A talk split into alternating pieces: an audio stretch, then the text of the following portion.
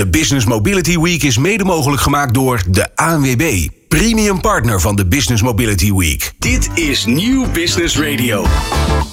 Je luistert naar De Ondernemer op Nieuw Business Radio. Het is de Business Mobility Week met Roland Tameling en Frank Buma. Is het echt over en uit voor de bestelbus met een dieselmotor? Wat zijn de belangrijkste trends en kansen rondom bestelwagens? En welke unieke features bieden de nieuwste bedrijfswagenmodellen anno 2023? We gaan je er weer alles over vertellen tijdens dag 4 van de Business Mobility Week 2023. Een initiatief van de ondernemer in samenwerking met de ANWB.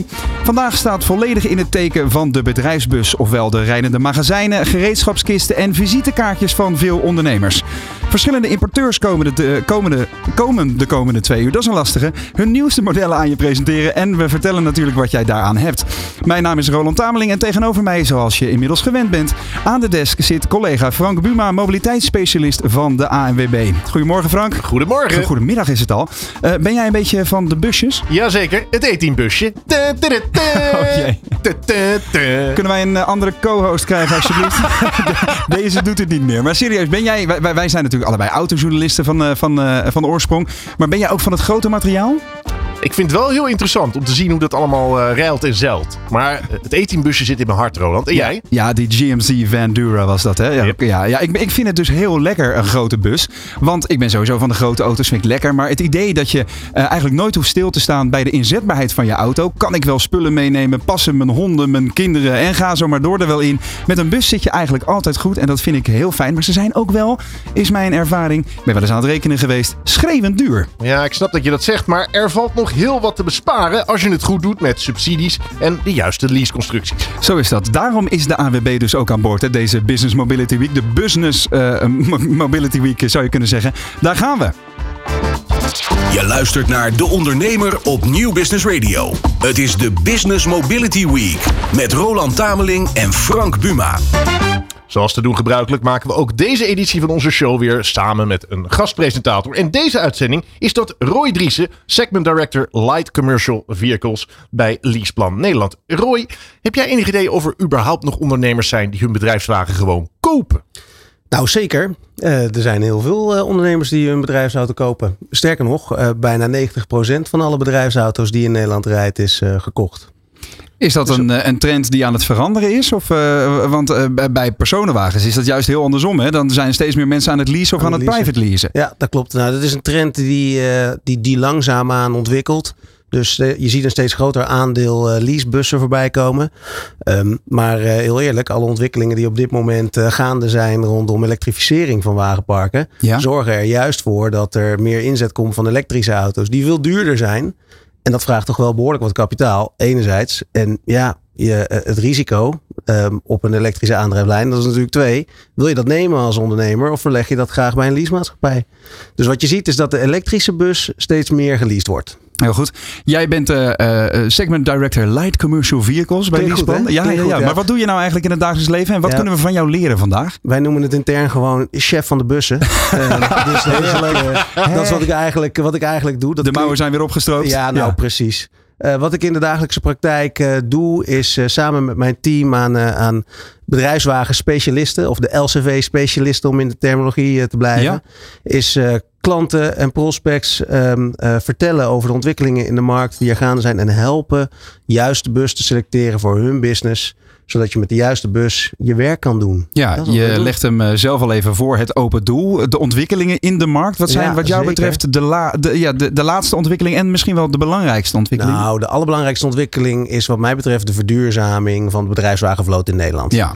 Dat uh, hebben we natuurlijk de afgelopen jaren gezien in de personenauto, uh, personenautomarkt. Het is heel snel gegaan. De, door alle fiscale uh, stimuleringsmaatregelen van de overheid natuurlijk een enorme vlucht genomen. Um, als je kijkt naar de bedrijfswagens, kijk je veel meer naar functionaliteit. En daar zie je wel verschil ten opzichte van, uh, van de traditionele verbrandingsmotor. Um, en uh, dat heeft een wat langere weg te gaan. Um, bedoel je, uh, Roy, sorry dat je onderbreekt, maar bedoel je dat de functionaliteit van een elektrische bedrijfsbus te lijden heeft onder die aandrijflijn? Uh, nee, niet per se. Alleen het aanbod is nog heel uh, gering geweest de afgelopen jaren. Dus wat je ziet is dat uh, de bus die jij nodig hebt, de functionaliteit die, niet no die jij nodig hebt als ondernemer, vaak niet beschikbaar was. Of is. Ik heb de cijfers er nog even bijgepakt. Hè. Eh, de, de, elektrificatie van het eh, wagenpark is weliswaar hard onderweg. Maar bij bedrijfswagens zie je nog wel een heel ander beeld. Er zijn op dit moment ongeveer 12.000 elektrische bestellers in Nederland. Ja. Dat is minder dan anderhalf procent van het totale wagenpark. En de verwachting is nu dat in 2030 wil men, lees de overheid en de regelmakers van, uh, van dit land, Ja. dat het zo'n 90 procent is. Hoe Ja. ehm, haalbaar acht jij die kaart? Heel haalbaar. Oh ja? Ja, absoluut. Eh, en alles valt of staat met de ontwikkeling vanuit, eh, vanuit de OEM's voor eh, wat betreft beschikbaarheid van Ja. de juiste bus. Het gaat ongelooflijk snel. Ehm, ieder jaar komen er legio nieuwe bussen met veel betere, met veel betere mogelijkheden ten opzichte van wat er nu is. Dus Ja. ik denk dat dat haalbaar is. Nou hebben jullie eh, vorig jaar in de Business Mobility Week editie nummer 1 eh, aangekondigd dat jullie in samenwerking met de ANWB ook een, eh, een andere propositie hebben neergelegd voor, voor ondernemers die inderdaad hun bedrijfswagen willen leasen. Klopt. Wat zijn dan de specifieke wensen, om dat nog even, even het stof daarvan af te blazen. Wat zijn de specifieke wensen van die klanten? Ja, nou wat, wat wij gedaan hebben, wij zijn met ondernemers in gesprek gegaan en pratend over deze ontwikkelingen. Wat is er nodig om die Ja. stap te maken? Dat was een van de onderwerpen die op tafel kwam. Als ik zoveel meer moet investeren, dan is financiering van mijn wagenpark Ja. wel heel belangrijk. Eh, en zou een leaseconstructie voor mij een oplossing kunnen bieden. Maar als ik lease, zijn er ten opzichte van mijn huidige situatie ook een paar nadelen. Welke nadelen zijn dat dan? Eh, dat is het, eh, de, de looptijd van een leasecontract. Ja. Of het maximum kilometrage wat je kan, wat je kan halen. Ehm, en daar hebben we ook de vraag gesteld: joh, wat zou je dan willen? Hoe lang wil je doorrijden met een auto? En wat je ziet is dat die ondernemer zegt: laat mij maar 10 jaar rijden. Ja. 300.000 kilometer, dat kan prima. Nou, dat zijn zaken die hebben wij in onze proposities aangepast om meer on par te zijn met wat eh, ze op dit moment al in hun eigendomssituatie hebben. Ehm, en daarmee eh, ook die ondernemer te kunnen helpen. Maar hoe past zo'n beeld van zo'n lange looptijd in die stormachtige ontwikkelingen die de producten in de markt doormaken? Ja. Want als je de bussen die nu te koop zijn gaat vergelijken, je gaat daar straks een aantal zien en horen trouwens. Eh, als je dat vergelijkt met de, de bussen die zeg maar twee jaar geleden op de markt kwamen, Ja. ehm, eh, is er enorm veel verbeterd en veranderd. Ja. Hoe zorg je dan dat je, eh, hoe leg je dat uit aan iemand die tien jaar met zijn bus wil rijden? Nou, kijk, het punt is, als je kijkt naar eh, de elektrificering van je, van je wagenpark, dan is uiteindelijk dus de vraag: hoe ga ik mijn transitie maken van diesel naar een elektrische bus?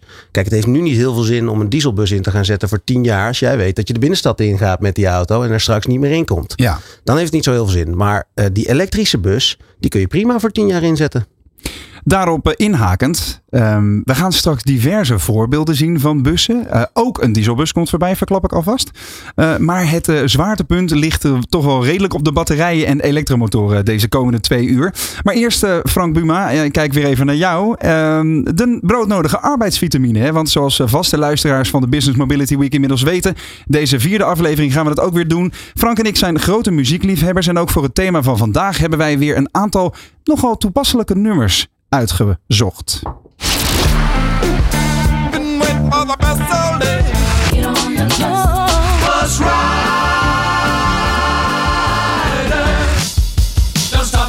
Don't stop me. Eventjes geduld Echt waar, ja. Nou, die zit de rest van, de, missen, de, de rest van de dag in, jou, eh, in je hoofd. Ik had nog wel iets van Van Morrison bedacht of zo. Oh Of, eh, ja, ja, dat deed je gisteren ook. Hè? Dan ging jij het weer zoeken in de artiest. Nee, ik heb vooral gekeken naar de, de liedjes. En dat viel nog niet mee. Want laten we wel wezen, hoeveel liedjes zijn er nou over bestelwagens? Ik kwam eigenlijk niet verder dan de Amazing Stroopwafels. Die hebben in hun liedje Oude Maas weg te stroven. In de verte blijft de transit staan. Ik kom nooit meer van je los, Frank. Ja, nou dat wil ik ook op zich helemaal niet. Ondanks dat je deze nogal wonderlijke muzieksmaak met ons gedeeld hebt. eh, de Amazing Stroopwafels. Jongen, jongen. Laten we het erop houden dat je nogal een oude ziel hebt, nietwaar? Hey, we gaan het over de, de inhoud hebben. Maar Roy, eerst nog even een persoonlijke noot van Ja. jouw kant. Jij bent eh, eh, segment director Light Commercial Vehicles bij Leaseplan Nederland. Wat, Hoofdbusjes, hè? Hoofdbusjes. hoofdbusjes. Laten we het daar gewoon op houden voortaan. Zullen we het hoofdbusjes noemen? Rij je ook in een bus eigenlijk? Een soort van bus. Ik rij in een Skoda Enyaq. Dat mag toch een soort van bus heten? Ja, ja, Ja, maar dan wel in iets, iets hipper uiterlijk natuurlijk. Precies. Maar eh, eh, luister je veel muziek onderweg? Eh, nee, niet veel. Ik luister niet veel muziek. Ik miste overigens wel eh, Henk Wijngaard in Ja. het eh, geheel. Ja, het zijn busjes, hè? Roy, Ja, geen nee, het vrachtwagens. één- Het is toch één segment. Het valt wel. Dat had best gekund. Ja, we hebben afgelopen week al onderzocht of de 30 tonnen diesel inderdaad ook eh, eh, richting eh, de uitgang rijdt. En ook in het zwaardere segment van de, van de trucks en zo Ja. is dat toch wel het verhaal dat accu's en elektromotoren eh, en waterstoflicht komen we ook over te spreken later deze uitzending. Dat die toch wel het, het verhaal gaan overnemen. Zeker. Ehm, jullie hebben ook eh, een, een, een propositie, eh, vertelde je me eerder, die inspeelt op de wens van de ondernemers Ja. om over te stappen. Zeker. Switch to electric hebben jullie dat genoemd. Nou, ehm, we zijn lekker aan het pitchen. Wat houdt dat in? Als we toch bezig zijn. Ja, Nou, wat we gedaan hebben in, in onze gesprekken met ondernemers, zien we dat de ondernemer wel wil elektrificeren. Ehm, alleen de bus die die nodig heeft, is op dit moment nog niet beschikbaar. Ehm, en wat doe je dan op het moment dat je een bus nodig hebt? Er zijn verschillende situaties waarin je gewoon een bus moet bestellen nu. Omdat je wil groeien als onderneming, ja. omdat je moet vervangen, omdat een bus totaal los is. eh, moet je gewoon bestellen. En eh, als die elektrische bussen werk op dit moment niet, eh, niet doet, ehm, dan wil je als ondernemer ook die diesel kunnen bestellen. Nou, wat je ziet is dat die dieselbus, eh, daar heb je ook nog wel het een en ander eh, aan ontwikkelingen die eh, gaande zijn. Ehm, die gaat per 1 januari 2025 belast worden met BPM. Ja, Wat betekent dat een gemiddelde bus 12.000 euro duurder wordt. Ehm, betekent ook dat je als ondernemer snel moet, moet beslissen: wat ga ik doen? Ga ik die dieselbus bestellen? Zorg ik dat die met de huidige levertijden nog op tijd komt? Mhm. Ehm, dat kan. En dan bieden wij al onze klanten de mogelijkheid om die bus gedurende de looptijd van het contract weer kosteloos bij ons in te leveren en daar een elektrische bus voor terug te bestellen. ja, ja. En ik eh, ben dan meteen geneigd om te zeggen, wat zijn dan de addertjes onder het gras? de addertjes ja, onder het gras? want er zit nogal, ook, ook qua investering natuurlijk best wel een, eh, een verschil. Misschien ook wel in restwaarde. Gaan we het straks ook wel even over hebben natuurlijk. Want de dieselbus, eh, je ziet het nu bij personenauto's ook. Restwaardes van oudere dieselauto's, die, die zijn volledig door het ijs gezakt. Ja. Ehm, eh, vanwaar dat jullie dit kunnen bieden aan de klanten? Nou, wij bieden dit aan voor, een, voor alle dieselbussen die ingezet zijn vanaf 1 januari 2023 Oké. tot en met 31 december 2024. En waarom? Die bussen zijn nog BPM vrijgesteld. Dat betekent ook dat op het moment dat die bussen dadelijk terugkomen, eh, zich bevinden in een markt waar de nieuwe bus BPM dragend is en dus gemiddeld 12.000 euro duurder is. Mhm. Eh, wat betekent dat het ook een interessante groep bussen is ehm, om daarna weer een tweede leven te geven binnen of buiten Nederland. Ja. Ehm, en dat is hoe het eh, vanuit remarketing oogpunt zit. En alles onder het gras. ehm, we hebben met elkaar gekeken naar welke voorwaarden willen we hier nou aan stellen. Ja. En we hebben als doel gehad om eh, terug te gaan naar nul voorwaarden. Eh, maar dit is het gewoon. What you see is what you get. Dat is niet helemaal gelukt. Er zat namelijk één eh belangrijke aspect in. En dat is een dure in- of opbouw. Wat, Ja. wat doe je daar nou mee? Een, normaal gesproken gaat een inbouw, schrijf je af over de looptijd van het leasecontract. Zeker. En op het moment dat, dat zo'n bus na een jaar alweer gewisseld wordt. en je hebt net voor 20.000 euro een inbouw besteld. die niet kan worden overgebouwd. Dan moet je weer die 20.000 euro investeren. En Ja. dan, wordt het wel, eh, dan wordt het lastig. Maar ik neem aan dat de fabrikanten wel met de klanten meedenken op dat vlak, toch? Ja, absoluut. Je ziet eh, dat eh, als voorbeeld Ford, hè, Ford met de Transit en Ja. de e-Transit. Die zie je Ja. straks ook op de stoep staan trouwens. Nee, hartstikke goed. Ja, het was al een klein bruggetje. Die hebben dezelfde afmeting aan de binnenkant. Wat Ja. betekent dat je die inbouw die je erin hebt zitten over kan bouwen. En dan zit er geen financiële consequentie aan. Maar op het moment dat dat niet kan, dan gaan we met elkaar kijken, heeft het nog enigszins restwaarde? En dan rekenen we de boekwaarde van de inbouw met elkaar af. Eh, dat, dat is eigenlijk het enige. Ja. Maar het gros van de, van de bussen eh, heeft ook niet die dure inbouw. Ehm, dus daar is dat helemaal niet van toepassing. Ik ben nog even benieuwd naar wat cijfers. Eh, kun je die delen? Ik weet niet, want ik heb dat even niet paraat, die, die cijfers. Wat kost een gemiddelde, laten we zeggen, dieselbus nu in Nederland? Nou, de, ik denk zo'n 35.000 euro Ja. ben je voor een bus eh, kwijt. En een elektrische? Maar ja, dan ga je wel eh, richting eh, de 50. Ja. Eh, Afhankelijk natuurlijk van de klasse bus eh, die je hebt. Dus die Ja. investering die ligt gewoon hoger. Mhm. Ja, en, en, en wat is bij jullie klanten dan de meest eh, bestelde eh, bestelwagen? Ja, dat is een moeilijke vraag. Want dat is heel divers. Mhm. Eh, er wordt van alles besteld in allerlei klasses eh, die eh, beschikbaar zijn in de grijs kentekenhoek. Ehm, en toch voornamelijk diesel. Hè. In ons wagenpark zit voornamelijk diesel. Ja. Ehm, en je ziet dat nu zo'n 10% van alle nieuwe bestellingen dit jaar toch wel elektrisch zijn. Ik ben geneigd te zeggen dat het nog vrij conservatief is, 10%. Is- ja, maar het is ook heel conservatief. Ja. Dat klopt. Waar zit dat hem in dan? Ehm, dat, dat heeft nog alles te maken met het aanbod op dit moment. Heel goed. We gaan eh, naar buiten, want ik zie de eerste bewegingen alweer op de stoep staan. De Business Mobility Week. Elke dag van 12 tot 2 live radio. Presentatie Roland Tameling en Frank Buma. Ja, het is live radio, maar we gaan niet alleen maar praten over bestelwagens. We gaan ze ook zoveel mogelijk aan je laten zien en horen. Dus kijk ook vooral mee via de livestream die je onder andere via deondernemer.nl kunt eh, raadplegen. Want elk half uur verschijnt er een interessant model op de stoep voor de studio die een expert aan je uitlegt. En onze eigen expert Frank Buma van de ANWB staat nu buiten voor de eerste kandidaat. En dat is er niet zomaar eentje, want Herbert eh, Zuidervliet, brandmanager Light Commercial Vehicles van Renault Nederland, heeft de bestelauto van het jaar meegebracht. En daar willen we alles over weten, Frank. Brand maar los. Ja, Herbert, de bestelauto van het jaar. En ook bij die verkiezing heeft er toch een kleine aardverschuiving plaatsgevonden. Hè? Want ik heb het even nagezocht. Volgens mij zes van de negen genomineerden hadden een elektromotor aan boord. Zo ook de winnaar van de verkiezing. Die heb jij bij je. Stel hem eens even aan ons voor. Ja, dit is de eh Kangoo e-tech Electric. Eh, volledig elektrisch. Ehm, een van de ehm, eh, mooiste innovaties eh, vanuit ons merk Renault. Ehm, waarbij we een hele mooie combinatie hebben neergezet in het small van segment. eh, met 300 kilometer ehm, eh, actieradius en 1500 kilo trekgewicht. Eh, nou, dat is wat ons betreft echt een, eh, een benchmark in dit segment. En eh, ja, we zijn dan ook trots dat we deze titel ehm, hebben binnengehaald. En wat ons betreft natuurlijk volledig terecht. Nou eh, hoor ik je zeggen, eh, het small van segment, het kleine bedrijfswagensegment. Maar er past vast van alles in. Kom op, spuw die cijfers. Zeker, er past zeker heel veel in. Eh normaliter, ehm, zeg maar, heb je het over 2 tot 3 kub eh, in, in dit segment. Maar we hebben een innovatie, Open Sesame, waarmee je heel veel extra laadvolume, maar vooral ook extra laadlengte ehm, creëert. Zal ik die laten zien? Heel graag. Herbert loopt naar de voordeur. Nou ja, op zich hè, een, eh, een portier dat open gaat, dat is nog niet zoveel nieuws. Maar let op, Kijk, wat we hier zien is het ontbreken van de B-stijl.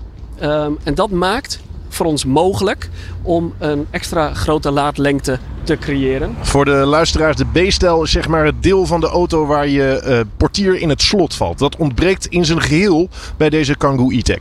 Ja, daarbij wil ik wel aangeven dat zeg maar, de veiligheid volledig gegarandeerd is. Dus we hebben in de voor- en achterportier hebben we natuurlijk verstevigingen aangebracht, zodat ook een impact van eventuele eh, botsing of aanrijding eh, volledig eh, kan worden opgenomen. zonder eh, ehm, iets aan negativiteit voor de passagier te hebben.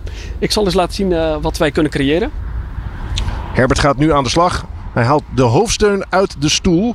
Hij probeert nu volgens mij ook de stoel plat te klappen. En dat lukt. Kijk eens aan, die gaat helemaal vlak. De, de passagiersstoel gaat dus helemaal vlak. Wat ben je nu aan het doen, Herbert?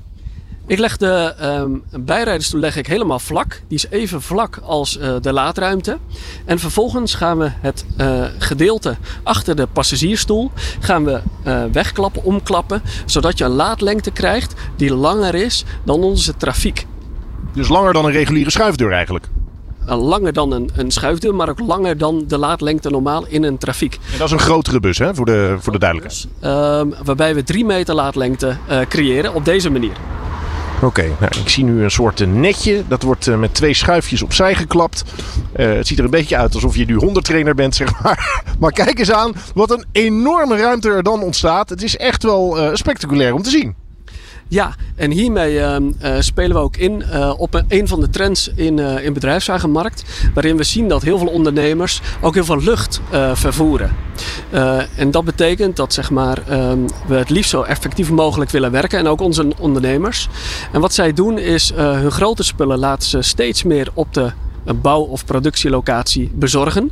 Ehm, en vervolgens de rest van de spullen willen ze meenemen, maar het liefst in een kleinere elektrische bedrijfswagen. eh, zodat ze uiteindelijk ook in de stad heel makkelijk wendbaar kunnen parkeren eh, en aan de slag kunnen zijn. En ook in de toekomst, eh, Roy gaf het net al aan, de switch to electric wil echt zeggen ehm, emissievrije zones in bijna alle binnensteden. Ehm, ja, we willen allemaal duurzaam ondernemen en duurzaam leven, ook voor onze toekomst. Nou is dit niet de eerste elektrische Kangoo. De vorige modelgeneratie was ook al verkrijgbaar met een elektromotor. Wat hebben jullie van die auto geleerd? Wat is er nu veranderd?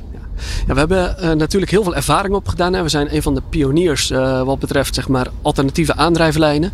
Eh, zo zijn we nu ook bezig met waterstof. Maar wat we geleerd hebben van de Kangoo is dat we heel modulair heel veel ondernemers in de Randstad kunnen bedienen. Die had toen nog een beperkte actieradius. Die is inmiddels natuurlijk vergroot, want ook onze technieken gaan verder. En wat we ook geleerd hebben ehm, eh, van onze vorige eerste Kangoo Electric, is dat er ook heel veel vraag was naar een conversiemogelijkheid. Daar hebben we wat van geleerd. Ehm, als je goed oplet in de, bij de Nederlandse gemeente, dan vind je veel eh, Kangoo's Electric als De deuren gaan weer dicht. ja, de deuren gaan weer dicht, want ik ga je wat laten zien. Wat we hebben gedaan is dat we eh, hebben gekeken wat wil de klant, wat willen gemeentes. En ze willen ook vaak, ook in dit kleine vensegment, een opbouw achter. Dat wil zeggen, je ziet wel eens van die eh, Jumbo bezorgbussen, een mooie Renault Master, ehm, waar dan een grote box op zit, waarin onze eh, boodschappen worden bezorgd. Nou, dat willen we ook in het eh, kleine vensegment aanbieden. Hebben we ook in het verleden al gedaan. En daarmee hebben we ook in rekening gehouden met deze auto. Je ziet hier de zijkant.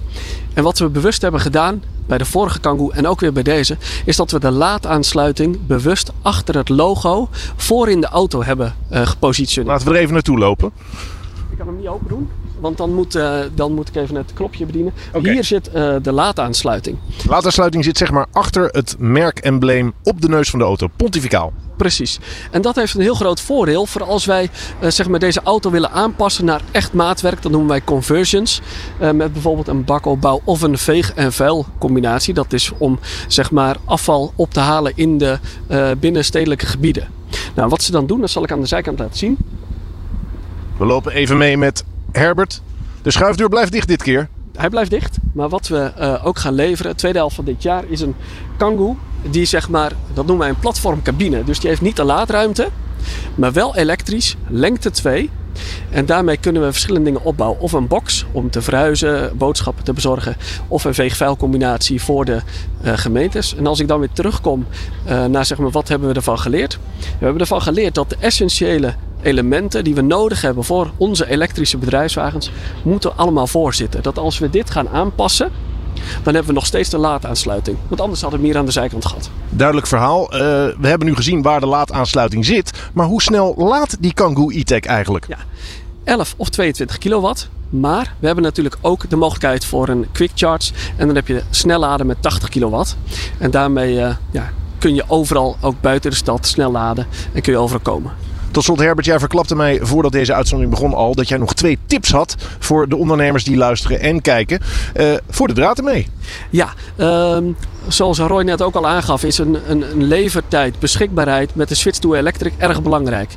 We zien dat, ehm, dat de ondernemers ook met eh, breakdown eh, soms snel een, een bedrijfswagen nodig hebben. Ze verdienen hun geld met deze auto's.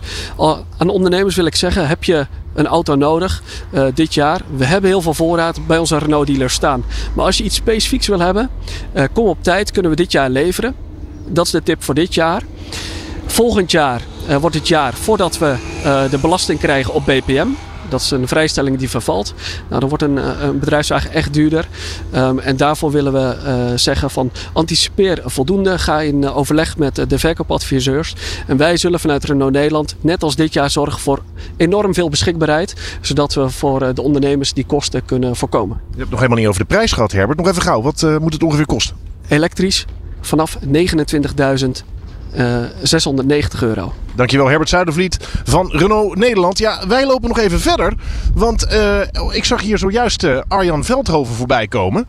En die reed in een auto die ik kon horen. Een bedrijfsbus die je kan horen. Dat is binnenkort een zeldzaamheid, eh, Roland. Het is ook een Renault, een trafiek met een eh, sportieve rode bies. En ja, luister maar. Hey, dat is een eh, kla- bijna klassiek geluid inmiddels. Dat is een klassiek geluid. Dat is gewoon een dieselmotor. Nou nagelt hij niet meer zo als voorheen. Maar Arjan stapt even uit. En komt dan veilig naar de kant. Want eh, we staan hier midden op de weg. Arjan, kom een eh, beetje deze kant op. Een dieselbus. Arjan Veldhoven, hoofdredacteur onder meer van eh Bestelwagen Magazine. Hè? Bestelauto. Bestelauto magazine. Ja, ja, gewoon met een diesel. ja, gewoon 1000 kilometer rijkwijde. Dus ik denk, ja, Hilversum is toch een eindje weg van mij. Dus ik denk, ik pak gewoon even de dieselbus. Is er nog toekomst voor de dieselbus? Want iedereen ja, die loopt er een beetje op af te geven. Maar ik kan me voorstellen voor ondernemers... die zijn nog helemaal niet klaar om er afscheid van te nemen. Nee, dat is in veel gevallen is dat zo. Eh, heel veel ondernemers zijn nog aan het kijken. Weten nog niet zo goed hoe ze een eh, eh, elektrische bestelauto kunnen inpassen in hun bedrijf. En ze mogen ook nog gewoon. Ja, er komt wel een zero-emissiezone aan. Maar je mag nog jaren daarna ook nog met je moderne dieselbus, zoals deze, de stad in. Nou is dit een bus met van alles erop en eraan. Ik zie er een Imperial op. Eh, heeft dat een reden? Heb je, heb je vaak grote spullen mee? Nee, dit is gewoon de uitvoering die ik even mee heb gekregen van, eh, van Renault. Eh, en er zit, nou ja, het is wel een hele praktische bus met zo'n met zo'n Imperiaal. Dus er kan van alles op. Het is een echte bouwbus. Kijk eens aan. En ook geen concessies aan de aandrijflijn. Hè? Dat is ook het voordeel natuurlijk nog van zo'n dieselaar. Ja, nou, het is een hele moderne Euro 6D. Dus hij is, het is wel een diesel, maar hij is zo schoon mogelijk. Eh, dus ja, je kan er alles. 170 pk heeft deze. Dus eh, alle power en alle kracht en alle rijkwijde die je nodig hebt. Top. Nou, ik nodig je graag uit om mee naar binnen te gaan. Dan gaan we erover verder praten. Onder andere met Roy Driessen, chef bussen bij Leaseplan Nederland. Zo is dat, Frank. Dankjewel. Inderdaad, een, een interessante zoektocht, hè, Roy. Eh, eh, Arjan komt net aanrijden in een eh, Renault Trafiek met een dieselmotor. Ehm, ja, de- daarvoor hebben we een uitgebreid eh, verhaal gehoord van Herbert over de Kangoo met een elektromotor. Ehm, hoe zie jij de toekomst van de dieselbus in algemene zin? Nou, voorlopig zal er nog wel plek zijn voor de diesel op eh, de Nederlandse snelwegen. Ehm, kijk, de zero-emissieszones gaan natuurlijk in per 1 januari 2025. Ja. Maar eh, er is ook een overgangsregeling om het voor ondernemers mogelijk te maken, die transitie ook daadwerkelijk te maken. Ehm, en eh, de bus waar Arjan vandaag mee aankomt eh, komt rijden is een, eh, is een Euro 6 bus. Ja, Arjan is inmiddels aangeschoven Precies. aan de desk. Oh ja. Eh, Dankjewel Hallo, voor deze spetterende eh, entree eh, met de, de trafiek eh, eh, met dieselmotor. Ronkend. Ja. Ja, wel hè. Ja, ja, ja. Ehm, eh, meteen even daarover gesproken. Ehm, als jij, eh, als we man en paard noemen en jij zou zelf op basis van jouw expertise eh, een keuze mogen maken, zou jij dan op dit moment als ondernemer nog gaan voor een bus met een dieselmotor of met een elektromotor? Eh, dat ligt eraan hoe groot mijn eh, vloot is. Oké. Kijk, als ik, een, eh, als ik eh, één auto heb, ik ben een, een, een eenmansbedrijfje, dan, en je, het ligt eraan wat je doet, hoe ver je, hoe ver je moet rijden. Kijk, als je door het hele land komt, Ja. dan moet je serieuze concessies doen aan, aan, aan, je, aan de manier waarop je werkt. Dus dan zou ik zeggen van ja, dan moet je misschien nog eventjes of doorrijden met je diesel. Of even ja, doorrijden met je diesel. Ja, kijk wat je doet. Ja. Ja. en inderdaad, die, die, het, het is natuurlijk ook een deels ehm, eh, een gewoonte die, eh, die men moet doorbreken hè, om, eh, om elektrisch te kunnen omarmen. Hebben we het eerder deze week ook over gehad dat dat misschien nog wel de grootste uitdaging is bij veel ondernemers. Dat dat gedrag, nu eenmaal die gewoontedieren die we zijn, dat zijn we niet voor niks. Want je wil inderdaad niet stilstaan bij red ik mijn volgende klant wel bijvoorbeeld. Ehm, ja, Roy, hoe zie jij dat vanuit Leaseplan? Eh, die, die, die verdeling tussen de keuze tussen dieselbus en elektrisch? Nou, voor wat betreft eh, nieuwe bussen vertelde ik net dus dat we nog wel eh, zien dat er veel dieselbussen worden besteld. Ja. Dat is ook vanuit de gedachte dat je die nog BPM-vrij eh, krijgt voor 2025. Ehm, maar we zien wel echt een toenemende, toenemende transitie naar elektrische bussen. En dat begint veelal bij de grotere bedrijven. De grote corporate bedrijven zijn echt allemaal wel bezig, ingegeven vanuit, vanuit een duurzaamheidsagenda. Ja. Agenda. Eh, zien we dat daar wel echt de switch gemaakt wordt naar een elektrisch wagenpark. En dat gaat heel snel. En je hebt het dan over die, die, die periode, hè? dan is er een soort overgangsregeling. Is de dieselbus daarna ten dode opgeschreven, denk jij? Want dan is Ehm, die bijna niet meer te betalen.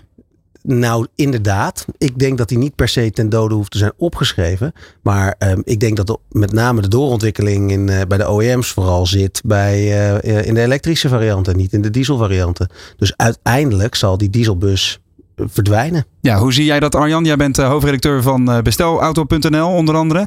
Ehm, eh, hoe zie jij die ontwikkeling en de kansen voor diesel op de langere termijn? Ja, nou, er is nu natuurlijk een stip op de horizon gezet. We moeten emissievrij gaan rijden.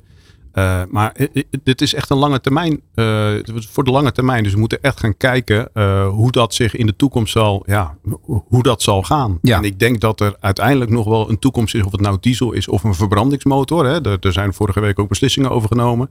Ik denk dat de verbrandingsmotor nog wel een tijdje blijft. Misschien met synthetische brandstoffen, dat we toch zo emissieneutraal mogelijk zijn, CO2-neutraal mogelijk. Ja, dat was het hele verhaal over de, de, hè, dat, dat Duitsland in, eh, in, in eh, zekere zin is eh, gaan dwars liggen bij de plannen van de Europese Unie om de verbrandingsmotor compleet uit te faseren. Nu zit er een soort tussenvorm, wordt er bedacht, dat er wellicht nog wel auto's met synthetische brandstoffen toegelaten worden. Ik ben heel benieuwd hoe ze dat in vredesnaam allemaal regeltechnisch gaan, gaan inkleden.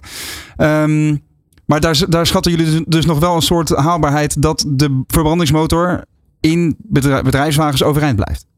Eh, ja, want ik, ik geloof dat je eh, de verbrandingsmotor heeft zichzelf bewezen. En zelfs tot op de dag van vandaag met mijn Euro 6D full eh, Renault. Ja. Dat die, hij kan heel schoon zijn. En als je dat nog een beetje aanpast of met bepaalde brandstoffen, dan kan dat gewoon nou, bijna CO2-neutraal zijn. Maar even voor mijn begrip, want eh, jij roemt eh, hoe schoon die dieselmotor is. Frank Maar- Buma is trouwens ook weer eh, terug aan de desk. ja, hallo, daar ben de duidelijkheid. Ja. Maar vanaf 1 januari 2025 kun je met die Renault dus niet meer eh, de binnenstad in van meer dan 40 gemeentes in ons land. Niet als die nieuw is. Niet als die nieuw is. Kijk, als ik een Euro 6D auto heb, mag ik nog tot eh 1, 1 januari 2028 de Nederlandse binnensteden in, eh, in zo'n zero-emissiezone. Kijk, dat is wel ook wel even belangrijk om te melden. Hè? Het houdt niet meteen op Nee, er op wordt- die 1 januari. Nee, er wordt echt gezegd 2025, maar zo hard is het niet. Er is een bepaalde uitloopfase. Ja, daar zit die overgangsregeling inderdaad, eh, inderdaad in. En vanaf 1 januari 2025 komen de Euro 4 bussen de binnenstad niet meer in. Ja. En voor je beeldvorming, er rijden 1 miljoen eh, bestelauto's in Nederland. Eh, een ruime 50.000 daarvan eh, is een Euro 4 bus. En die komen de binnenstad niet meer in. En even om dat in, 2025. In perspectief te schetsen, hoe oud is zo'n bus dan gemiddeld? Want ik denk dat er heel veel ondernemers luisteren die geen idee hebben of het een euro 4, 5 of 6 is die ze hebben. Ja, Euro 4 kwam in 2006 hè. Dus alles voor 2000, van, als zeg maar vanaf 2006 tot 2009, toen kwam Euro 5. Ja. Ehm, dat, wordt, dat wordt geweerd. Ja, maar goed, die bussen hebben ook al dermate lang hun, eh, hun diensten bewezen. Die zijn Klopt. überhaupt al wel aan eh, vervanging toe, zou je zeggen. Zeker vanuit Liesplan kan ik Ja, me zo ja, voorstellen. absoluut. Ja. Frank, ehm, oh ja, net even een slokje water. Dat moet ook tussendoor natuurlijk. Slechte timing van mij. Ehm, weet jij even, eh, zeg maar, jullie doen bij de ANWB natuurlijk niet heel veel op het gebied van, eh, zeg maar, de video's die jij maakt. Komen niet heel veel eh, bestelwagens in voorbij, hè? Nee, incidenteel doen we dat. Maar jij weet als geen ander wat er leeft ook onder het publiek. Wat voor vragen krijg jij er wel eens over? Nou, inderdaad. eh, Mensen vinden het wel heel spannend of de ontwikkeling die ze nu zien bij elektrische personenwagens, die razendsnel gaat. Laten we wel wezen. In, Ja. eh, in 2010 begon dat met een eh, heel klein stadsautootje en een volwaardige gezinswagen van Nissan. En moet je eens even kijken wat er nu allemaal in de showroom staat. Wij krijgen met name wel eens de reacties onder onze video's van jongens, kunnen jullie ook eens wat testen met een verbrandingsmotor? Maar de pijn zit hem vooral in de prijs. Dat is Ja. hier ook al ter sprake gekomen. Eh, Roy, overdrijf ik als ik zeg dat eh, een elektrische bedrijfswagen anderhalf keer zo duur is in aanschaf als een eh, equivalent op diesel? Nee, zeker niet. Dan, dan raak je de kern wel. Kijk, ja, dat is natuurlijk wel een enorme drempel om te moeten nemen. Ja, maar nou hebben we het natuurlijk vaak over de elektrische busjes. Eh, twee zinnen later hoor je dan altijd ja, maar de TCO, de total cost of ownership van zo'n bus, Tuurlijk. ligt vele malen lager. Eh, ik kijk ook even naar Arjan eh, en, en naar jou Roy vanuit jouw expertise binnen Leaseplan. Ehm, eh, wat is daar nou van waar en hoe bereken ik zoiets? Nou, als je kijkt naar een total cost of ownership, dan kijk je dus eigenlijk naar wat je totale kosten per maand zijn van zo'n auto. Ja. Een van de dingen die je nog mee zou moeten nemen, is het feit dat je nog SEBA-subsidie kan krijgen. Dus de subsidie voor elektrische bedrijfsauto's. Ja. Dat is 10% van de aanschafwaarde van een auto. Krijg je dus als korting, krijg je als subsidie van de overheid. Dat, dat verlaagt die aanschafwaarde natuurlijk al enorm. Daarnaast zie je ook dat de doorontwikkeling van de technologie zorgt dat eh, de aankomende jaren die eh, kosten ook zullen dalen. Dat zal Mhm. meer in lijn komen met elkaar. Ehm, en als je dan kijkt waar eh, in een TCO-berekening die kosten naast elkaar zet, ehm, dan zie je dat op dit moment die elektrische bedrijfsauto nog wel iets duurder is in de maand Ja. ten opzichte van, van de dieselvariant. Ehm, maar dat vanaf 2025, wanneer die BPM eh, erbij komt, het weer de andere kant op schiet. Ja, dan dan gaat, is die eh, elektrische auto goedkoper. Er gaat inderdaad eh, de aanschafbelasting omhoog. hè. Daarover gesproken gaan we straks even een soort praktijkvoorbeeld van laten zien. Naast de Mercedes EQV dubbelcabine, die je als je nu meekijkt op de livestream al op, de, op de stoep geparkeerd ziet, ge- geparkeerd ziet staan. Meer dan 25.000 euro pure besparing kan je op zo'n bus halen, ondanks die hoge aanschafwaarde. Daar gaan we straks over, eh, over door. Ehm, over die, die restwaarde en dergelijke. Dat, eh, je hebt natuurlijk een, heel, ehm, eh, een hele berekening gemaakt daarover. Hè? Want stel, je hebt een, een een looptijd van 10 jaar. Wat is uiteindelijk het verschil tussen een moderne dieselbus en een elektrische bus? Kun je daar iets over schetsen, Roy? Over tien jaar. Ja? Nou, Stel, je- ik kom bij jou als klant en Ja, ik zeg, joh, ik, ik twijfel nu tussen een dieselbus die Euro 6 eh, eh, eh, heeft of een elektrische bus. Ja. En voor mijn gebruiksprofiel past het eigenlijk allebei. Diesel geeft wellicht iets meer comfort, maar elektrisch is wellicht iets beter om voor te sorteren op de regels die gaan komen. Ja. Ehm, onder de streep, wat is dan zeg maar puur op financiële gronden de beste keuze, denk jij? Nou, om, dat kan ik moeilijk heel concreet maken. Maar eh, wat je wel ziet in onze, in- ja, wij noemen dat onze restwaardetabellen die we gebruiken voor verschillende auto's Ja. en, eh, en aandrijflijnen. Dan zie je wel dat eh, elektrische bussen op 10 jaar, daar verwachten wij procentueel meer restwaarde op, op, op te halen dan verkoopopbrengst op te halen Ja. dan bij dieselbussen Ja. over 10 jaar. Dus, concreet, wat zou jij doen in zo'n situatie? Een hele gemene vraag, ik weet het. Maar ik probeer me altijd maar te... Wat ik nu zou doen? Ja, ik probeer me altijd maar te verplaatsen in de, de ondernemer die kijkt en luistert. Ik eh, sluit me aan bij wat Arjan net zegt. Ja. Eh, je moet eh, kijken naar wat je nodig hebt om je business te kunnen doen. En daar de juiste bus voor selecteren. Rekening houden met de toekomst. En dat, dat kan een elektrische zijn, Ja. gelukkig. Eh, maar dat kan, ook een diesel, dat kan ook een diesel zijn voor de aankomende periode. Dan Ja. heb je in ieder geval een, schoon, een schone diesel te pakken. ehm, die je dan straks ook nog kunt omruilen voor een elektrische variant. Precies, Dat mits je dan bij Leaseplan eh, een, Uiteraard. een contract hebt lopen. Ja.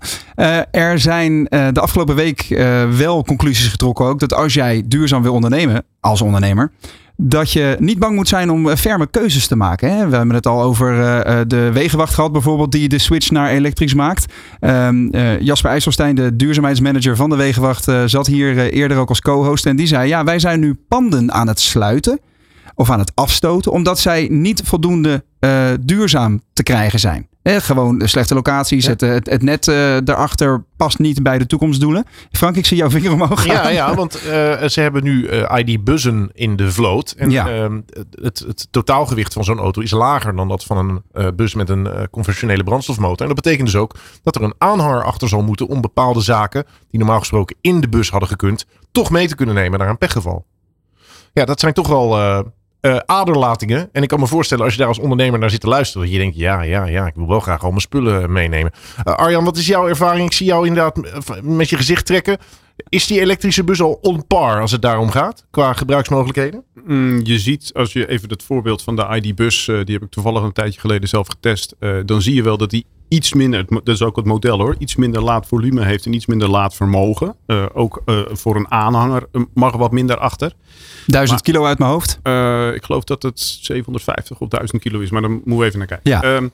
Eh, maar wat ik, wat ik, ik had die, die test gepubliceerd en toen ging er iemand onder zetten van eh, ja, je hebt hem nu wel getest, maar dat was met eh, temperaturen rond het vriespunt. En je had er wel lading in, maar hij was niet volledig beladen. En ik zou ook wel eens willen weten wat er dan gebeurt als je er een hele volle aanhanger achter hangt. Ja, En toen dacht ik van dat is, een, dat is best op zich een goede vraag. Maar dan denk ik ook van welke ondernemer heeft dan elke dag die laadruimte helemaal vol liggen? Als dat echt zo is, moet je zelf wel eens nadenken of dat wel echt nodig is. Ja, ja. hè, als je dat met een dieselbus doet en je rijdt elke dag een mutje vol naar je bestemming toe, dan gebruik je ook te veel. Ja. Dan, eh, dan denk ik van, en, dus je moet ook nadenken van, hoe, nou net wat we de hele tijd zeggen, hoe gebruik ik die bus? Ja. En misschien dat ik met een elektrische bus wel, eh, wel toe kan. Als ik gewoon wat minder spullen meeneem. En gewoon elke dag kijk van oké, ik heb eh, voor de klus die ik vandaag ga doen, heb ik dat en dat en dat nodig. Mhm. Dat leg ik achterin. En dan ga ik onderweg. Ja, nou weet ik van een, eh, een bevriende technicus. Die is altijd heel blij dat hij even zijn bakjes door kan. Om, om te kijken of hij dat ene boutje-moertje combinatietje nog heeft liggen. Hè? Eh, ik kan me ook voorstellen dat als jij eh, schilder bent. Dat, je, dat het prettig is om de voorraad eh, aan boord te hebben. Omdat jij stel je moet toch nog even naar die andere klant. Ja, heb ik nu net die, die, die pot verf niet bij. Zo redeneren heel veel mensen uit de praktijk. Wat is dan jullie advies? Moeten zij gewoon niet zeuren? Nee, niet zeuren is het zeker niet. We noemen man en Eh, paard vandaag. hè? We noemen ja, nee, duidelijk, hartstikke goed. Eh, maar wat je ziet is dat de bedrijven die nu die transitie aan het maken zijn, daar voeren we dan de gesprekken mee. Daar Ja. gaan we ook daadwerkelijk met de bereiders van die, van die bussen mee in gesprek. Van joh, wa- wat neem je nou allemaal mee? Laat nou eens allemaal zien wat je allemaal meeneemt. En dan Ja. gaan we daar ook met, eh, met, met het bedrijf zelf naar kijken. Joh, wat is nou eigenlijk nodig? Ja. Eh, en kun je niet met veel minder spullen ook je werk gewoon goed doen? Of is dat op een andere manier te organiseren door op een andere wijze spullen daar te krijgen waar je zijn moet? Ja? Dat is de wijze waarop eh, daarna gekeken wordt. En dat is ook nodig, want anders maak je die, die, die exercitie nooit. Heb jij nog een ander praktijkvoorbeeld, Frank? Nou, geen praktijkvoorbeeld. Ik wil nog even terugkomen op eh, eh, wat Arjan net schetste. De reactie die hij kreeg onder zijn test van de ID-bus. Eh, ik bespeur dat zelf ook als we elektrische personenwagens testen. Dat er een, ja, een soort negatief sentiment lijkt te zijn onder een hardnekkig deel van de Nederlandse bevolking. Ja. Nee, waar, het mensen zijn gewend dat ze met een bus, hè, net als de bus waar ik er net mee kan aanrijden, daar kan je alles mee. Ja. Je, je, je stapt in, je hoeft geen zorgen te maken hoe ver je kan rijden, wat je mee kan nemen. En met de, de huidige stand van de, de bestelauto nu, de elektrische bestelauto, moet dat wel. Je moet je gaan afvragen, waar ga ik naartoe? Eh, kan ik daar komen? Moet ik laden? Of moet ik aan het eind van mijn werkdag moet ik dat ding aan de laadpaal hangen? Het is even omdenken. En dat zijn veel mensen niet gewend. Of ze zijn niet gewend om dat te gaan doen. Ik moet ook meteen... Ja, ga je gewoon, Frank? Eh, tegelijkertijd eh, bespeur ik wel een bepaalde welwillendheid. Want Roy, eer- eerder eh, dit uur had jij het erover dat de ondernemer zegt: laat mij maar 10 jaar rijden, 300.000 kilometer. Denken ze dan ook al aan een elektrische bus? Zeker. Dus dat is dan de financiële prikkel die ze aanstaat? Of hoe moet ik dat zien? Nee, ze zien de ontwikkelingen die er op dit moment gaande zijn. Die, eh, zij snappen best dat zij over moeten naar een elektrische bus. We hebben het nu alleen maar over de stimulans rondom, eh, rondom die bussen en alle wet en regelgeving daaromheen. Maar vergeet niet dat die ondernemer ook inschrijft in, eh, in aanbestedingen van alle andere organisaties waarin ze gewoon gevraagd wordt: wat is jouw CO2-footprint? Je krijgt gewoon meer punten toegekend op het moment dat jij een lage CO2-footprint hebt. Dus het loont je ook commercieel. Daar eh, wil ik graag nog een praktijkvoorbeeld aan koppelen. Want eh, een, eh, mijn hovenier, die woont ook, uh, een onwijs leuke vent. echt een ruwe bolster. ehm, eh, die, die woont bij mij in de buurt ook. En ik zie hem elke dag rijden in zijn Iveco Daily. De eh, hoogste variant, de langste variant, dubbel lucht achter. Dat is echt een bus die gemaakt is voor de excessen die hij wel eens heeft in zijn werk. Want ja, 9 van de 10 dagen kan hij prima met zijn- hark, zijn schoffel en zijn, schep eh, eh, de tuinen gaan doen. Maar soms heeft hij een hele aanhanger, dubbel lucht, twee assen enzovoort achter zijn auto hangen. Of een, la- laten we zeggen, een paar kuub zand. Dat he- heeft hij af en toe ook nodig. Is het antwoord voor hem dan simpelweg, ja joh, jij moet voortaan, of de komende jaren nog wel even door met diesel?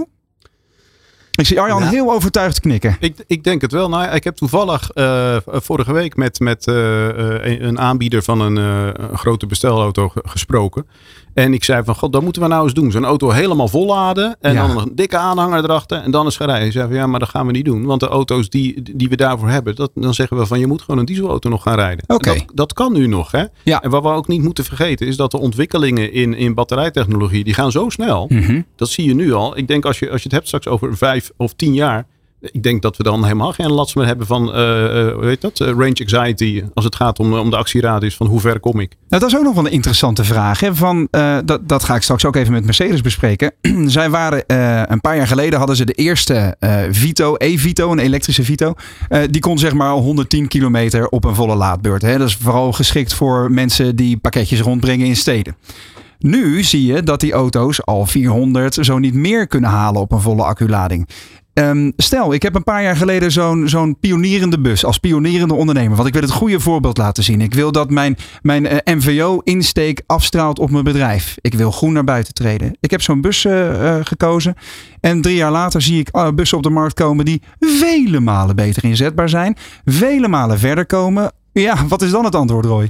Ja, dat, eh, dat zijn hele lastige dingen. Want die, die bus, die eerste bus, ja, hoe bruikbaar is die nog? Hoe bruikbaar was die überhaupt? Eh, hij is gelukkig ook niet in grote getalen ingezet. Dus het is vaak maar een hand eh, vol. Kijk, wij proberen wel mee te denken met onze klanten. Om te zien, joh, als jij die, eh, die elektrische Vito wil ruilen voor een nieuwe Vito. Dan gaan wij samen met Mercedes en Leaseplan eens kijken wat we kunnen doen Ah, eh, met elkaar. Om dat, eh, om dat te kunnen bewerkstelligen. Juist ook omdat je snapt dat, het, eh, dat de praktijk wel eens weer barstig kan zijn. Nou, inderdaad. Ja, over de Mercedes gesproken, Frank. Ik draag even eh, de sleutel van de show aan jou over. Want ik ga nu eens eindelijk naar buiten voor de Mercedes EQV dubbelcabine. Eh, want ehm, Arjan, misschien aardig om even te schetsen waar die elektrische bedrijfsbus nu zit in zijn ontwikkeling. Ik had het eerder al over het feit dat in 2010 kwamen de eerste elektrische personenwagens. Nou, het is inmiddels 2023 en die dingen zijn niet meer weg te denken. Eh, maar die eerste elektrische auto's die hadden een bescheiden actieradius. Je moest de verwarming nog uitlaten als je zo ver mogelijk wilde komen op een ladingsstroom. Waar denk jij dat wij ongeveer uithangen qua bussen? Eh, we zitten eigenlijk nu al in de tweede tot derde generatie. Zie je bij, die, bij de bussen. Bijna al, iedereen heeft al een, een eerste bus gehad. Bijvoorbeeld als je bij eh, Mercedes kijkt en dan niet bij de e-Vito, maar bij de e-Sprinter. Eh, die begon met een, eh, een bus met een actieradius van 150 kilometer, denk ik. Ik heb vorig, vorig jaar nog getest. En de nieuwe e-Sprinter, die komt eind dit jaar, begin volgend jaar. Die heeft ineens 450 kilometer. Dat is een wereld van verschil. De eerste eh, e-Sprinter was er bijvoorbeeld alleen als gesloten bestelauto. Dus alleen als zo'n zeg maar vierkant hok. Maar eh, eh, straks komt hij er ook als chassiscabine. Dus dan kan je hem ook gebruiken voor groenvoorziening. Of nou ja, je, je doet er je, je, je, je scheppen achterin of wat dan ook. Er zijn, de, de, de toepassingen worden ook steeds veel breder. Ja, we hoorden Renault daar inderdaad ook al net over eh, buiten bij de Kangoo e-tech. Maar wat mij vooral opvalt aan wat je nu schetst, is dat die ontwikkelingen bij die bedrijfswagens veel korter duren dan bij de personenauto's. Dus daar profiteren ze waarschijnlijk van de know-how die veel fabrikanten, die immers en bussen en auto's maken, al hebben opgedaan met die personenwagens zelf. Arjan Veldhoven, hoofdredacteur Bestel Auto Magazine. Dankjewel. We zien jou gauw weer terug, want morgen eh, ben je ook weer te gast in onze show. En eh, ja, tijd om naar buiten te gaan en toch echt die jingle in te De Business Mobility Week. Elke dag van 12 tot 2 live radio. Presentatie Roland Tameling en Frank Buma. Ja, Roland zei het al. Ik mag hem voor het eerst een keertje naar buiten sturen. Eh, Roland, met wie sta jij op de stoep? En met welke bus hebben we het genoegen? Ja, we noemden het net al eh, dat een eh, bestelbus het visitekaartje op wielen kan zijn van je bedrijf. En dat geldt voor deze auto wel degelijk. Ik sta hier naast de Mercedes-Benz EQV dubbelcabine. Dat is zogezegd een beetje de luxe broer van de e-Vito, de elektrische Vito. En als je eens even wat eh, kleine details van die auto mag aanstippen. Het logootje hier op de voorschermen bijvoorbeeld EQV. Een en al chroomstrips aan de zijkant. Geblindeerde ramen. Grote lichtmetalen wielen in een extra aerodynamisch design. Zowaar veel chroom op de neus. En naast die neus vol met chroom staat de PR-dame van eh, Mercedes-Benz Vans Benelux. Marieke van Amersfoort. Marieke, dankjewel dat je hier bent. In de wat winderige omstandigheden hier op het Mediapark. Maar wat heb jij een schitterende bus meegenomen. Welke rol speelt de EQV dubbelcabine in jullie gamma, zo gezegd? Nou, in dit geval is het natuurlijk op zich een bestelbus zoals je er nu naar kijkt. Maar deze auto die combineert het beste van beide werelden. Want aan de voorkant is het eigenlijk de luxe personenwagen zoals je dat van Mercedes-Benz gewend bent. En aan de achterkant heb je dan heel veel laadruimte. Nou, aangezien eh, Mark, de cameraman, met een camera bij ons meeloopt, eh, laten we dat meteen maar eens even eh, in beeld brengen dan. Je trekt op dit moment het bestuurdersportier open. Dan zie je inderdaad een Mercedes-Benz interieur dat niet onderdoet voor dat van een luxe personenwagen. Groot scherm in het midden, veel chrome afwerkingsrandjes, lederen bekleding op de stoelen en op het stuur. Weinig harde kunststoffen. Een groot verschil ook ten, op- ten opzichte van de, laten we zeggen, normale tussen aanhalingstekens elektrische Vito. Die is toch wat meer voor de, eh, de ruwe eh, praktijk, hè? Een robuust, eh, robuust voertuig kan tegen een stootje. Ja. Precies, deze in principe ook al, maar die is net wat netter afgewerkt. En de crux van deze versie zit natuurlijk in het feit dat er ook een schuifdeur achter die voorste stoelen zit. Oh, jij trekt al meteen even de, de klep open. Jij gaat meteen naar. Voor. Je bereidt je alvast voor. Inderdaad, want kijk, dit is dus een eh, dubbelcabine. En eh, dat is voor jullie een, een essentiële versie van deze auto, hè? want die speelt voor Nederland een belangrijke rol. Kun je uitleggen wat, waarom deze zo, zo nuttig is voor de Nederlandse koper en zo gewild ook?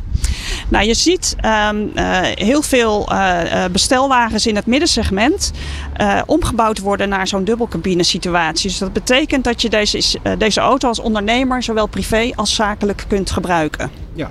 Ook het beste van beide werelden in die zin dus. Hè? Want je hebt wel die uitstraling. Je komt voorrijden in een nette bus. Maar je kunt kinderen en, eh, en wat nog dies meer zij eh, meenemen.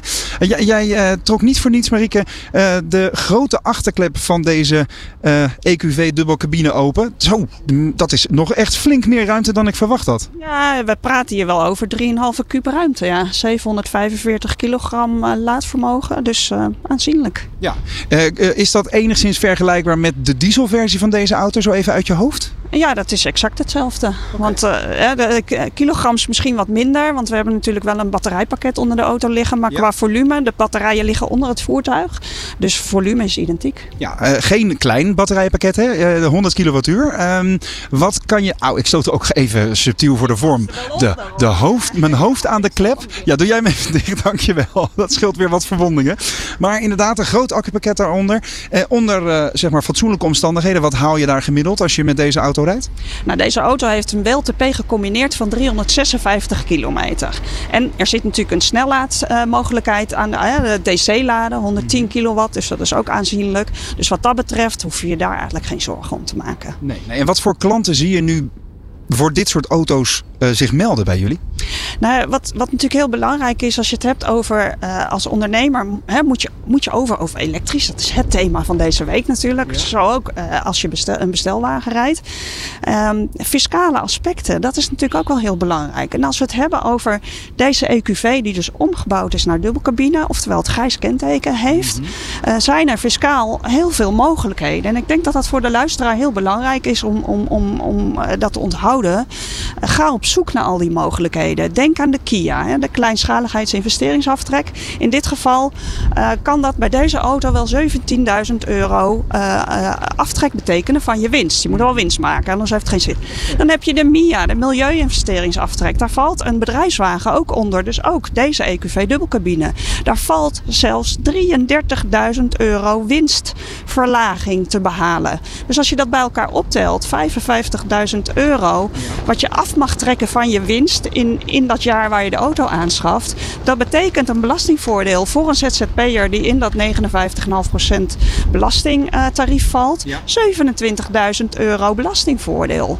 En dan denk je, ja oké, dan hebben we ook nog de SEBA. Hè, die kan je, de, de, de, de subsidie op elektrische bedrijfswagens van maximaal 5000 euro. Dat gaat er aan de bovenkant nog eh vanaf. Ja, d- het is gewoon de moeite waard om je daarin te gaan verdiepen. Ja, dat is eh, zoals je hoort op de achtergrond. De, de vlaggen op het Mediapark beginnen er extra hard voor te, te, te klapperen. En de politie zet de sirenes erover aan. Eh, maar inderdaad, dat, dat zijn serieuze voordelen dus. Hè. Fijn dat je dat even zo helder hebt, eh, hebt uitgekristalliseerd. Dus als ik jou zo goed begrijp, zeg jij... ga even met de Mercedes-Benz dealer of een andere dealer in conclaaf... om uit te zoeken waar die voordelen kunnen zijn. Want er zitten ook nog provinciale voordelen aan... of zelfs gemeentelijke subsidies, hè? Als ze er nog zijn, dat, eh, ja, dat moet je dan inderdaad ook onderzoeken. Het mooie is, eh, wij hebben natuurlijk een 100% eh, bestelwagen dedicated netwerk. Onze mensen, zowel in de, in de verkoop als in de werkplaats, zijn 100% geënt op, op bedrijfswagens. Dus zij zijn ook op de hoogte van al deze zaken. Hè, wij trainen ze daarop, we praten ze daarover bij. Dus ja, warme oproepen. Maar inderdaad, als je, als je door het bomen de- het bos niet meer ziet, ga naar de specialist en laat je informeren. Natuurlijk kunnen wij niet de SEBA voor je aanvragen en wij kunnen ook niet je belastingaangifte doen. Maar het is wel goed dat iemand je vertelt wat er allemaal mogelijk is. En het zou zonde zijn als je het laat liggen. Inderdaad, want dat is vaak ook hè, het kaf van het koren scheiden. Hoef je niet alleen te doen. Laten we in het kader van warme oproepen even naar de voorkant weer van de bus lopen. Gaan we even uit de wind staan. Doen we de schuifdeur van de EQV dubbelcabine weer dicht. Inderdaad, drie mooie zitplaatsen met leer bekleed achterin deze auto. Hier kun je inderdaad wel eh fraai mee komen voorrijden. Maar laten we nog eens eventjes eh, man en paard eh, noemen op het gebied van de cijfers, Marieke. Jij zegt net, er valt zo'n 27.000 euro belastingsvoordeel te halen. Hè? Ehm, maar blijft een behoorlijk forse investering overeind staan. Zonder die voordelen, wat, wat, wat, betaal ik voor deze EQV?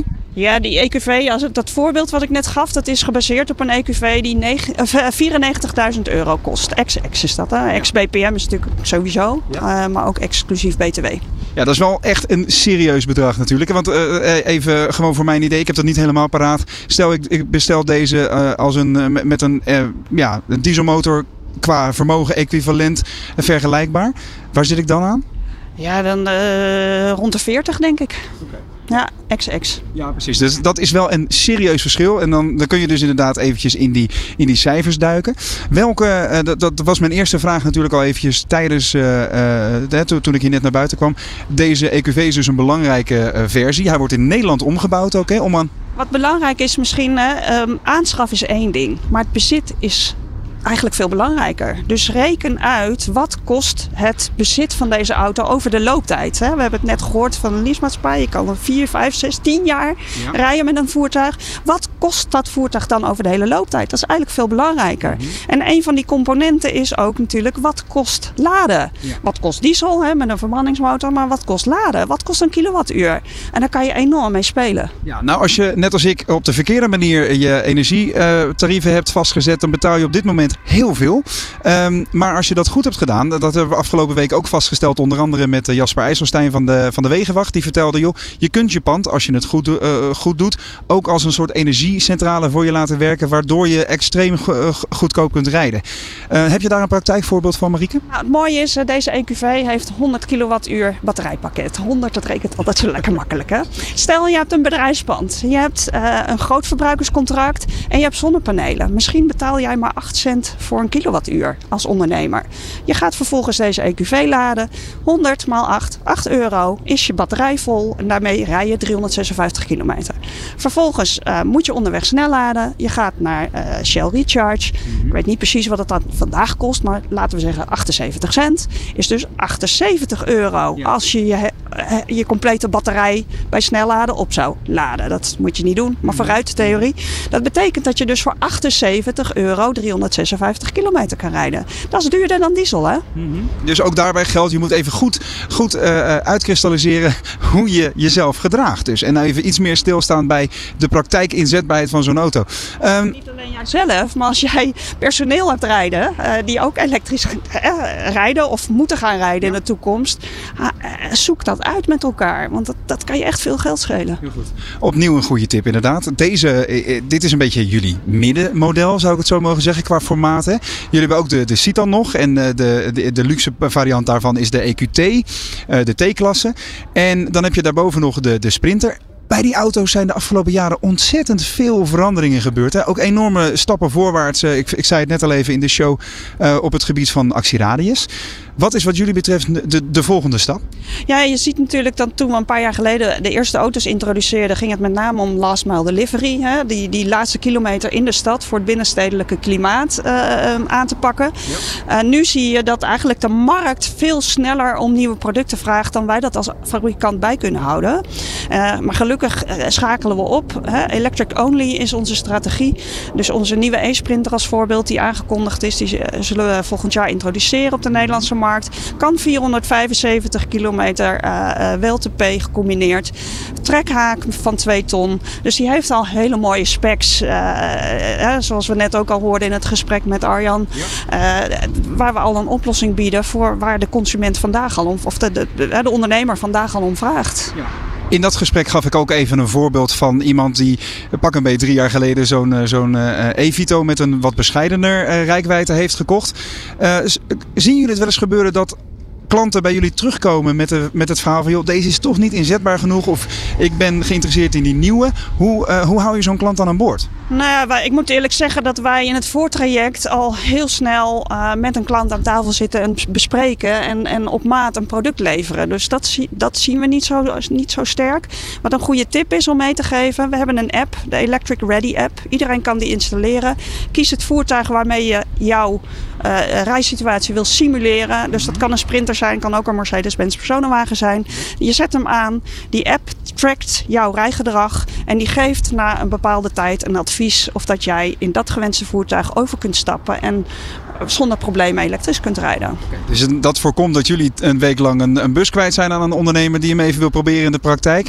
Ehm, maar jullie geven dus ook nog steeds wel het advies in sommige gevallen, eh, neem vooral nog even de dieselversie. Absoluut, dat is natuurlijk een thema wat nu heel sterk speelt. Hoorden het net ook al, BPM. eh, gemiddeld eh, 12.000, 11.000, 12.000 eh, euro. Dat is fors. En eh, je kunt je voorstellen dat gemiddeld naar boven en naar beneden. En in ons geval ook, ook wel naar boven. Ja, dat dat natuurlijk voor een ondernemer op dit moment grote vraagtekens zijn. En ook daarin, wij hebben de specialisten om echt de juiste keuze te maken. En de juiste keuze is dus niet per definitie een bestelbus met een elektromotor voorlopig. Dankjewel Marieke van Amersfoort namens eh, Mercedes-Benz Vans Benelux.